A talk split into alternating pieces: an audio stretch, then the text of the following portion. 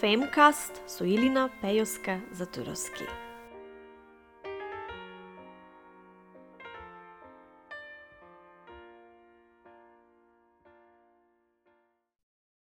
Добре дојдовте во уште една епизода на Femcast. Моето име е Илина Пејовска за Затуровски, а моја гостинка во оваа епизода е Даниела Здравковска. Дани е бизнис аналист и воедно моја колешка, заедно работиме. Дани е магистер по бизнис администрација, воедно е и полиглот и по професија е професор по италијански јазик, меѓутоа подолго време работи во IT секторот, предходно како quality аналист, а сега како бизнис аналист. Дани, добре дојде, многу импресивно звучи твоето професионално портфолио. Како си денес?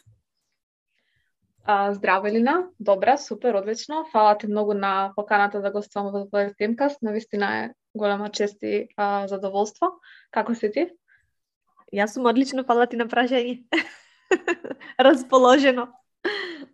Супер.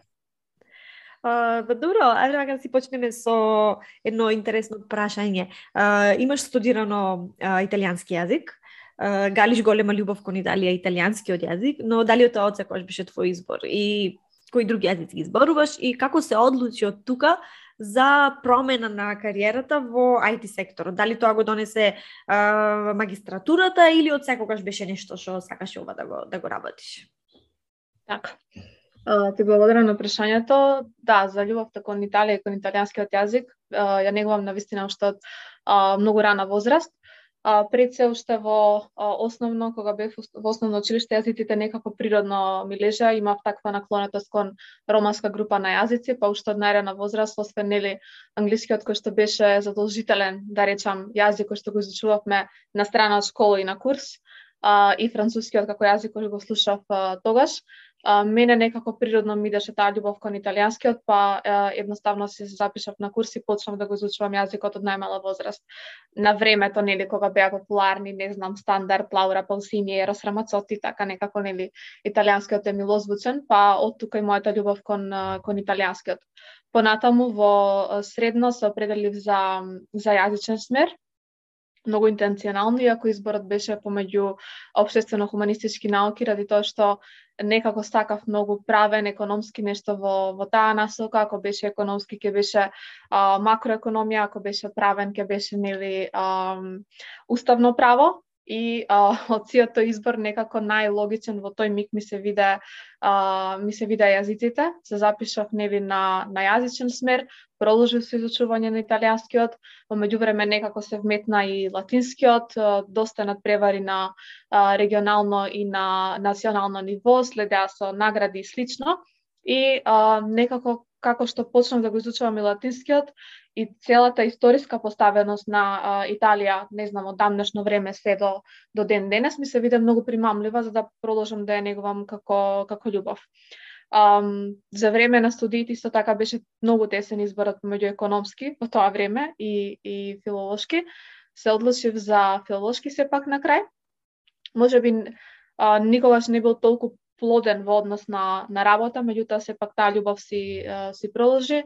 Успешно ги завршив да студиите и продолжив делумно и на факултет во, во Италија, конкретно на Универзитетот за странци во Перуџа. И понатаму имаше една пресвртница каде што реално аплицирав и се надевав дека ќе ги продолжам своите магистерски студии надвор од земјава. Добив нели стипендија во, во Италија, во Болонја конкретно една година и една година во а, Страсбург. Мој личен избор беше да да оставам од таа стипендија која што ги покриваше сите трошоци за живот, сместување и студирање во а, двете земји, каде што респективно ќе учев на два различни јазика италијански, француски заедно со а, англискиот, затоа што во тој момент сметав дека има некој прелом на, на бизнис сцената, да речам, или на работните струки кои што се развиваат понатаму и сметав дека нема да биде толку бенефитно да се продолжи во, во таа насока, туку едноставно дека таа љубов можам да продолжам да се негувам преку дополнителни ангажмани кои што во тој микс изродија со Универзитетот во Фиренца или не знам со Министерството за култура во Македонија, со амбасадата во Франција со кој што поактивно соработува в тој период, а во меѓувреме се земав да речам пауза во која што ќе размислам на вистина што е тоа што а, ме влече. Интересно е што меѓу сиот тој спектар на различни интереси, запишав, веќе бев работена, нели, работев како quality аналист во предходната а, фирма, каде што имав допир со технички струки, иако предходно нели немам никакво а, никаков технички бекграунд. И на Академијата за човечки ресурси имав меѓу другите предавачи, имав честа да сработувам и со Стефан, директорот на човечки ресурси во Ајден, кој некако по некои лидершип assessments кој што ги правевме во тој миг ме преусмери некако и ми даде идеја да размислувам за магистерски по бизнис администрација. аплицирав, имаше некој, некој повик отворен за стипендирање од страна на цементарница Усија, а, добив целосна стипендија за покривање на магистерските и така завршив на магистерски студии кои што реално ми беа многу поисполнителни од додипломските студии.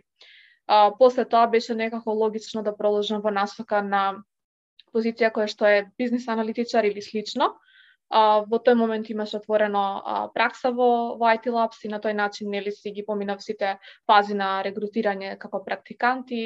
Еве успешно следи вработување веќе од скоро година и пол во, во компанијава. Одлично многу импресивно искуство и мислам дека ќе е на инспирација за сите оние кои што размислуваат да променат кариера, затоа што често пати тоа значи да а, може да биде страшно а, и непредвидливо искуство за за повеќето, да излезат од зоната на комфорот и да пробаат нешто нешто ново, нешто во кое што знаат дека можат да да бидат добри и во кое што предходните искуства дали во одредената професија или при школување образованието можат да им бидат од голема од голема корист, нели. Интересно спомна дека си соработувала со Министерството за култура во Македонија. Кои беа твоите задолженија во, во тој дел? Така, во тој момент Министерството за култура во Македонија имаше отворено некој повик за соработка со Универзитетот за во Фиренца.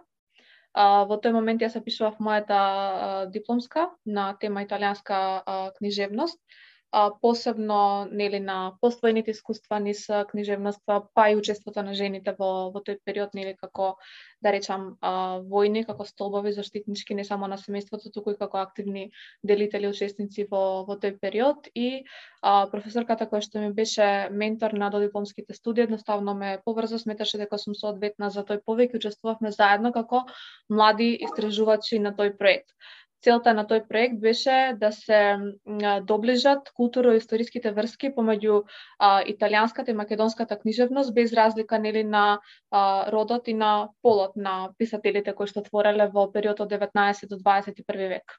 Конкретно ние правевме истражување на сите литературни дела од тој период, обидувајќи се да доближиме македонската литература до читателската публика во Италија, последствено на тоа што правевме листа, нели стапувавме во контакт со различни книжарници овде и во Италија. Прававме и превод на а, некои да речам еминентни писатели дела од нашата литература тој период, се за цел нели да ја доближиме до е, италијанската читателска публика која што во последно време бележи подем неинтерес во однос на нашето книжевно творештво. Многу интересно.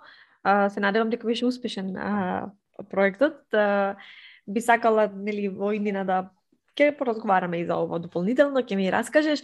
ме интересира сега да ми кажеш поточно ајде да ги запознаеме сите кои што не слушаат. информатичкиот сектор е навистина шарен би рекла во во денешницата. Сега посебно во последните 2-3 години и е, нуди многу можности за многу многу луѓе нели да можат да се пронајдат во во било која позиција во IT секторот. Кои се твоите задолженија како како бизнис аналист? Да инспирираме некој можеби за таква кариера како твојата? Така. Да, како што спомна и ти, информатичкиот сектор е навистина разновиден и разнобоен би рекла, иако нели многу мина го поврзуваат некако стереотипно само со кодирање, програмирање, тоа е едно насочно нели да. а, размислување. Меѓутоа не е така и самата знаеш дека нели информатичкиот сектор вклучува различен спектар на профили, почнувајќи не знам од дизајнери, аналисти, истражувачи, маркетинг лица и така натаму. Конкретно, јас на, во фирмава, моите главни задолженија се од проспектинг фазата до фазата на реално имплементирање на софтверско решение. Во проспектинг фазата работиме на анализа на различни проекти или тендери кои што доаѓаат од Македонија, но и од странство, претежно Соединетите Американски држави и на тој начин формираме нели понуда со која што ќе одговориме на потребите и барањата на клиентот. Конкретно јас се вклучувам во, изработ, во изработка на презентации или во барања за во анализа на потребите и на барањата на софтверското решение од страна на клиентите, а понатаму при имплементација на решението во изработка на целосна документација за покривање на барањата на софтверското решение, соработка нели со со целиот тим кој што работи на имплементација, кореспонденцијата со самиот клиент, а, комуникација активна со дизајнерите кои учествуваат во изработка и нацрт на а, на апликацијата или на софтверското решение и нели понатаму валидирање на тие а, бизнис а, барања преку така наречено user acceptance а, тестирање кое што следува нели на крај на, на самото решение се со цел да се а, овозможи една а, да речам гладка комуникација меѓу клиентот и меѓу а, нас како тим кој што работи на имплементација за да а, доставиме едно решение кое што е комплетно и кое што сосема одговара на очекувањата и на барањата на клиентите. Да, јас ти соработувавме заедно на првиот проект, јас кога се кога почнав да работам во, во фирмата во која што работиме, а, имавме едно навистина прекрасно искуство, заедно додека работивме и така да си, си останавме пријателки во морето од така. колеги. Точно. И многу ми е мило за за тоа. Ретко се наоѓаат луѓе како како тебе, ведри со позитивна позитивна енергија. E, baš ti fajn, gledaš, delimo isto mišljenje na zadruge. Le, le, ti moramo. Komplimenti, komplimenti. така, Дани, а, интересно, јас искрено, кога работев на проектот со тебе, прв пат се, се соочив да работам со бизнис аналист и а, ти кажав уште тогаш дека многу ми беше олеснета мојата работа. Мојот дел од работата на вистина ми беше олеснат и а, посакувам а, сите кои што работат на некој проект во било кој сектор од информатичката индустрија или од било која друга индустрија, затоа што верувам дека а, твојата професија може да се аплицира во било која индустрија индустрија, а, на, препорачувам на вистина да, да, да се заинтересираат повеќе да, да имаме бизнис аналисти во, во овој сектор, а и во другите. А, работата е на вистина полесната од двете страни, за комуникацијата со клиентот и за тоа што треба нели да се да се заврши за клиентот да е среќен на крај, неговите барања да бидат точно пренесени и за бизнис делот од проектот секако се разбира. Um, Исто така, вклучена си во проекти за лидерство, сакаш да учествуваш на надворешни, да речам, екстра curricular, curricular activities надвор од работното време, што те привлекува конкретно кон таквите проекти? Амбициозна личност си доста. А, па реално сметам дека во последно време има подем на жени кои што доаѓаат нели од различни бекграунди се пак се стакнуваат на лидерски позиции. И мислам дека тоа е еден убав тренд кон кој што од истражувањата кои што гледаме и од интернационални сајтови гледаме дека Македонија има на европско ниво најголем број на истражувачи од женски профил што искрено многу ме радува а, поради тоа што не било нели тренд во во минатото и мислам дека тој профил на жени е најмногу истакнат ако не во политиката, тогаш во информатичкиот сектор, за кој што некако стереотипно нели го дефинираме како машки сектор. Па затоа ми е драго да се вклучам во се поголем број на иницијативи кои што ги рушат тие некои а, табуа еден а, од а, проектите на кој што неодамна се вклучив е така наречен проект за Youth Leaders, кој што беше организиран во светски рамки, каде што а, беа избрани а, при процес, интензивен процес на селекција 100 а, учесници од 140 земји во светот, меѓу кои бев единствен представник од, од Македонија. И навистина ме радува што во едно такво обкружување успеавме да научиме малку повеќе за лидерството, ради тоа што а, едноставно сметам дека супер е да се биде бизнис аналитичар и планирам да продолжам а, понатаму во таа насока, меѓутоа во даден момент би сакала да се вклучам и на нека пораководна а, позиција. Конкретно мој домен на интерес би бил стратешки или оперативен менеджмент, а, така што сметам дека вклучувањето во такви проекти каде што можеме да научиме нешто повеќе за тие а, меки вештини и за целиот пристап за тоа како е да се биде лидер, заради тоа што нели некои луѓе се да речам родени лидери, меѓутоа негувањето на тие карактеристики треба да продолжи понатаму. И од тој аспект чисто сметам дека е моја лична доградба во тој сектор кој што ќе ми овозможи да се стремам кон некоја а, повисока позиција, а, не само заради позицијата, нели, туку и заради целиот сет на одговорности кој што го носи а, таа позиција, ради тоа што мене едноставно ме делува многу примамливо да сретнам жени кои што имаат раководна моќ во дадена компанија, кои што имаат визија и настока во која што би сакале да се движи таа компанија и секако да придонесат со еден цел сет на бенефити со позитивно работно обкружување за сите вработени во компанијата. А, по втор пат во, во овој подкаст го слушаме зборот дека жените се визионери и многу ми е драго за тоа. Затоа што верувам дека жените кои што се амбициозни пред се, потоа се и успешни и ги делат истите ставови и мислења. И многу ми е мило што исто така а, го слушнав тој избор и од тебе дека жените на високи позиции во нашето општество најчесто се визионери, затоа што ако имаме само зборови, а немаме акција, не може да имаме ниту лидерство, ниту ниту успех во било која во било која област. од тука еве, што е лидерство за тебе конкретно? Лидерство е широк поим. А, конкретно а, видовме многу стакнати лидери еве во време на пандемијата, нели?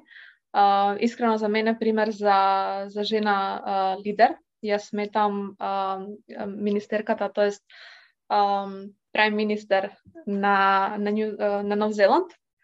Сметам дека даде позитивен пример за тоа што е лидерство преку отворена и транспарентна комуникација со жителите на незината земја во еден таков период.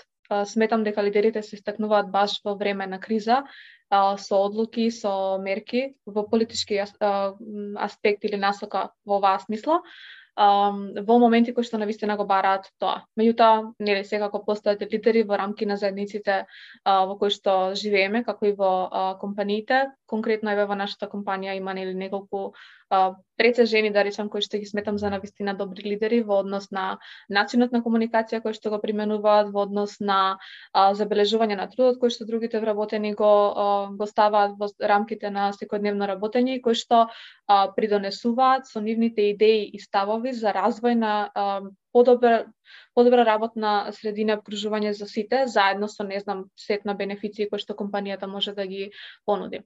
А, за лидери не ги сметам жените само кои што учествуваат во не знам во политичка смисла се активни или жените кои што се на дадена раководна позиција, туку и жени кои што во своето слободно време нели негуваат поинаков пристап и се вклучуваат во а, многу иницијативи кои што а, се општествено бенефитни и помагаат на заедницата без разлика за кој сектор се работи. Битен аспект за а, мене и за тебе верувам е дека жените лидери се надевам дека раѓаат понатаму лидери и лидерки, ради тоа што нели растат и негуваат деца кои што освен што се родово, родово сензитивни, растат свес за тоа дека треба да се биде активен чинител или учесник во многу обществени смери, а не да се ограничиме само на работната позиција и на обврските кои што истата така ги носи затоа што нели по, по работен договор сме да речам принудени на на работа на истите.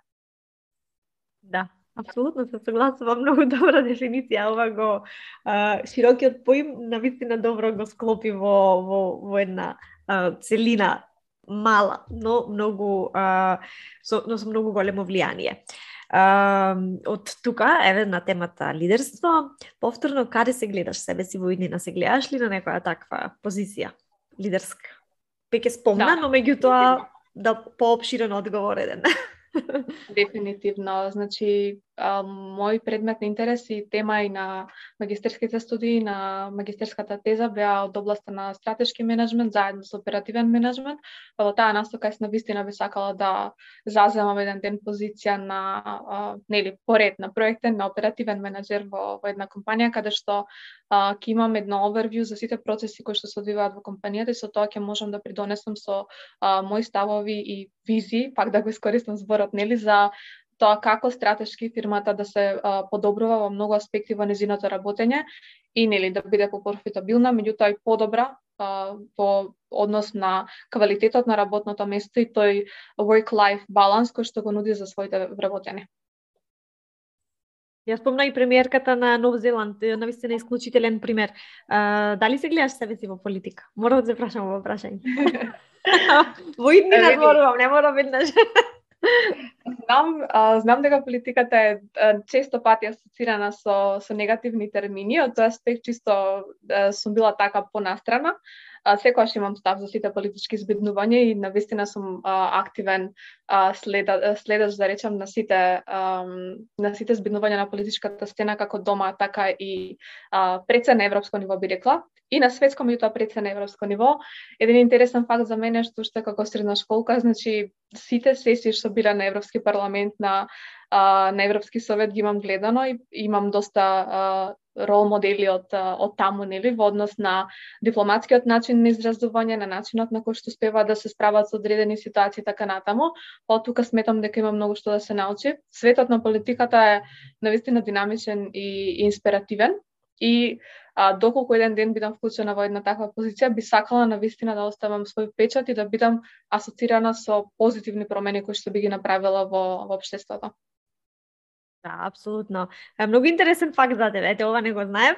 значи ти на вистина те те привлекувала а, политиката. Интересен факт за мене е тоа што јас до пред 10 години апсолутно не ме интересираше политиката, иако да а, се, е, имаше обид, таве татко ми инсистираше да се вклучиме во младинските организации на една партија, но мене не ме интересираше апсолутно затоа што не знам сакав да работам на учење и на градење на собствена кариера. Некако е, тој свет не ми беше многу интересен. Нормално како што е, созревав, е, почна се повеќе да ме интересираат политичките збиднувања во во државата и така, е, навистина мислам дека е, младите луѓе посебно на наша возраст возраст од 25 до 35 години се многу неинформирани кога станува збор политиката и затоа зборував со е, две пратенички од две различни партии во, во нашата земја, е, во Македонија е, и го делат истото мислење за жал дека имаме една цела изгубена генерација која што е многу лесна да се да, за за манипулирање. Едната пратеничка беше од опозицијата, другата беше од власта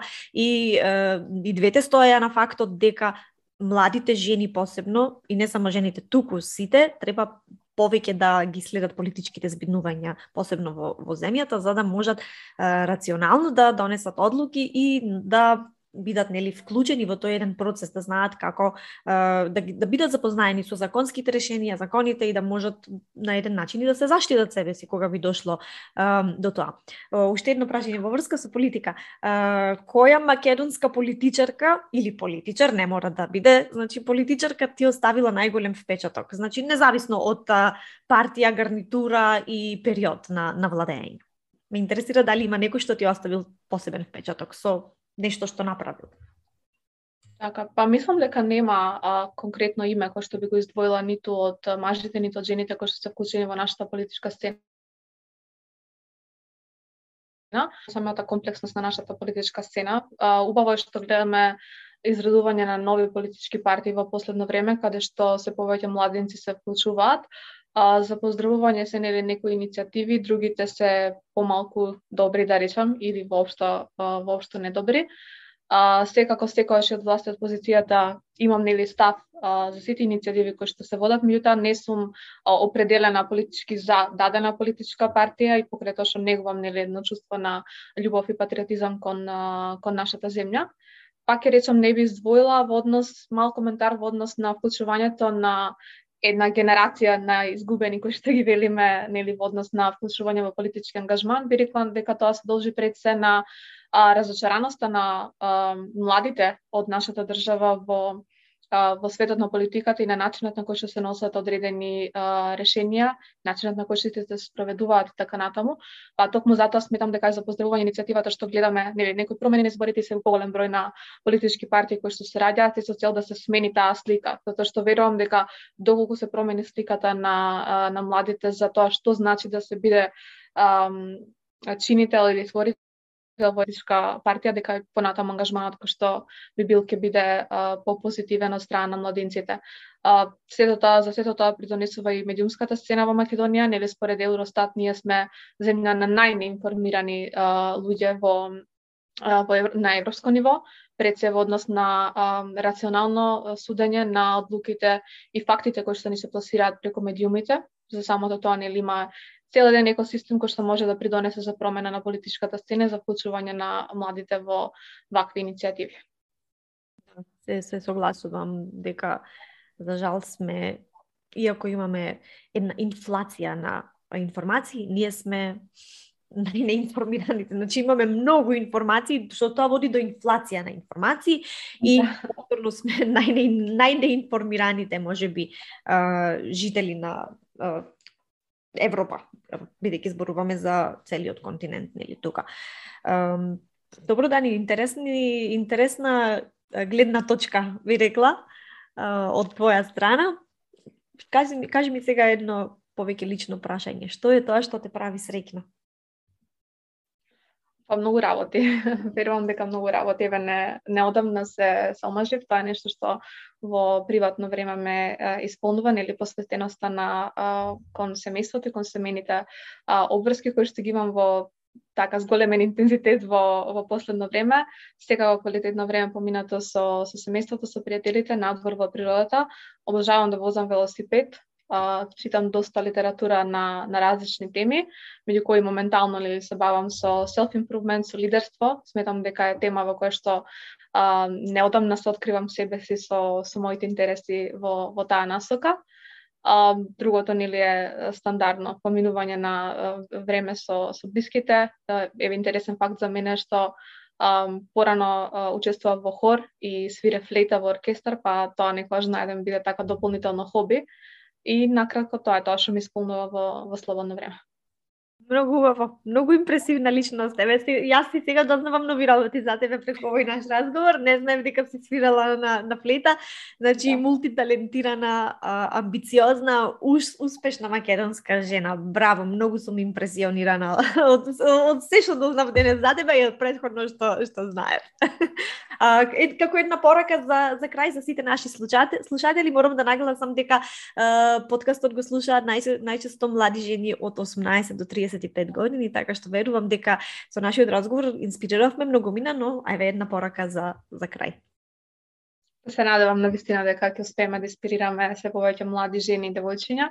А, мој совет е за сите жени и девојки кои што не слушаат, нели да а, бидат пред се амбициозни, да бидат упорни, да бидат истрени во тоа што го сакаат и да не се плашат од промени, поради тоа што нели се почесто гледаме жени, но исто и мажи а, и момчиња да речам кои што а, се смелиле на тоа да направат а, кариерна промена, па во таа насока нели има а, многу курсеви, многу академии, многу ресурси денес кои што ќе има возможност да се преусмерат кон а, а, професијата која што на вистина а, им лежи или која што, кон која што на вистина сметаат дека можат да се остварат себе си како приватно, така и а, професионално, од друга страна нели да не заостануваат со негување на а, на хобијата како и а, поактивно вклучување во а, одредени иницијативи кои што еве нам како заедница и како држава ќе ни донесат малци по регионални или а, европски успеси. Да, апсолутно се согласувам, посебно за негувањето на, хоби, на хобијата, затоа што тоа а, на една личност ти дава радост, дава а, мотивација за да продолжи да биде најдобра во тоа што го работи примарно. А, ако дозволиме да не обзеде тој целиот хаос секој дневен и заборавиме на малите работи кои што ни носат задоволство, нема да уживаме во ништо. А, во што работиме и во што правиме нели во текот на на денот. Така okay. Ти благодарам, Дани. Мислам дека имавме еден а, многу добар, квалитетен разговор. Дадовме увид а, на а, сите кои што не слушаат за твојата професија. Се надевам, инспириравме некои луѓе, жени, мажи, не е битно да, да да започнат кариера нели во IT секторот како бизнис аналисти или како quality аналисти. И а, се надевам ги инспириравме да размислуваат на начин на кој што размислуваш и ти, посебно кога се работи за напредокот нели на Македонија, земјата во која што а, живееме и да ги охрабриме. А, ако се чувствуваат заглавено во секторот во кој што работат да а, размислат за излегување од зоната на комфортот и да а, сменат а, кариера. А, ти благодарам уште еднаш за, за гостувањето. Ти благодарам и тебе на поканата, како што спомнав на почеток, на вистина е чест и задоволство да се разговара со подеднаква млада, успешна и амбициозна жена како тебе и еве се надевам дека преку овие подкасти кои што нели го носат името Femcast ќе охрабриме не само а, жени како слушалки, туку подеднакво и машката популација да се охрабрат на на некои промени, на некои чекори, а, како за нив, така и обштествено, за да се остварат нели во, во многу улоги во кои што може да се оствариме во текот на животот. Така. Ти благодарам уште еднаш. Даниела Здравковска, бизнес аналист. Се слушаме во наредната епизода на Филмкаст.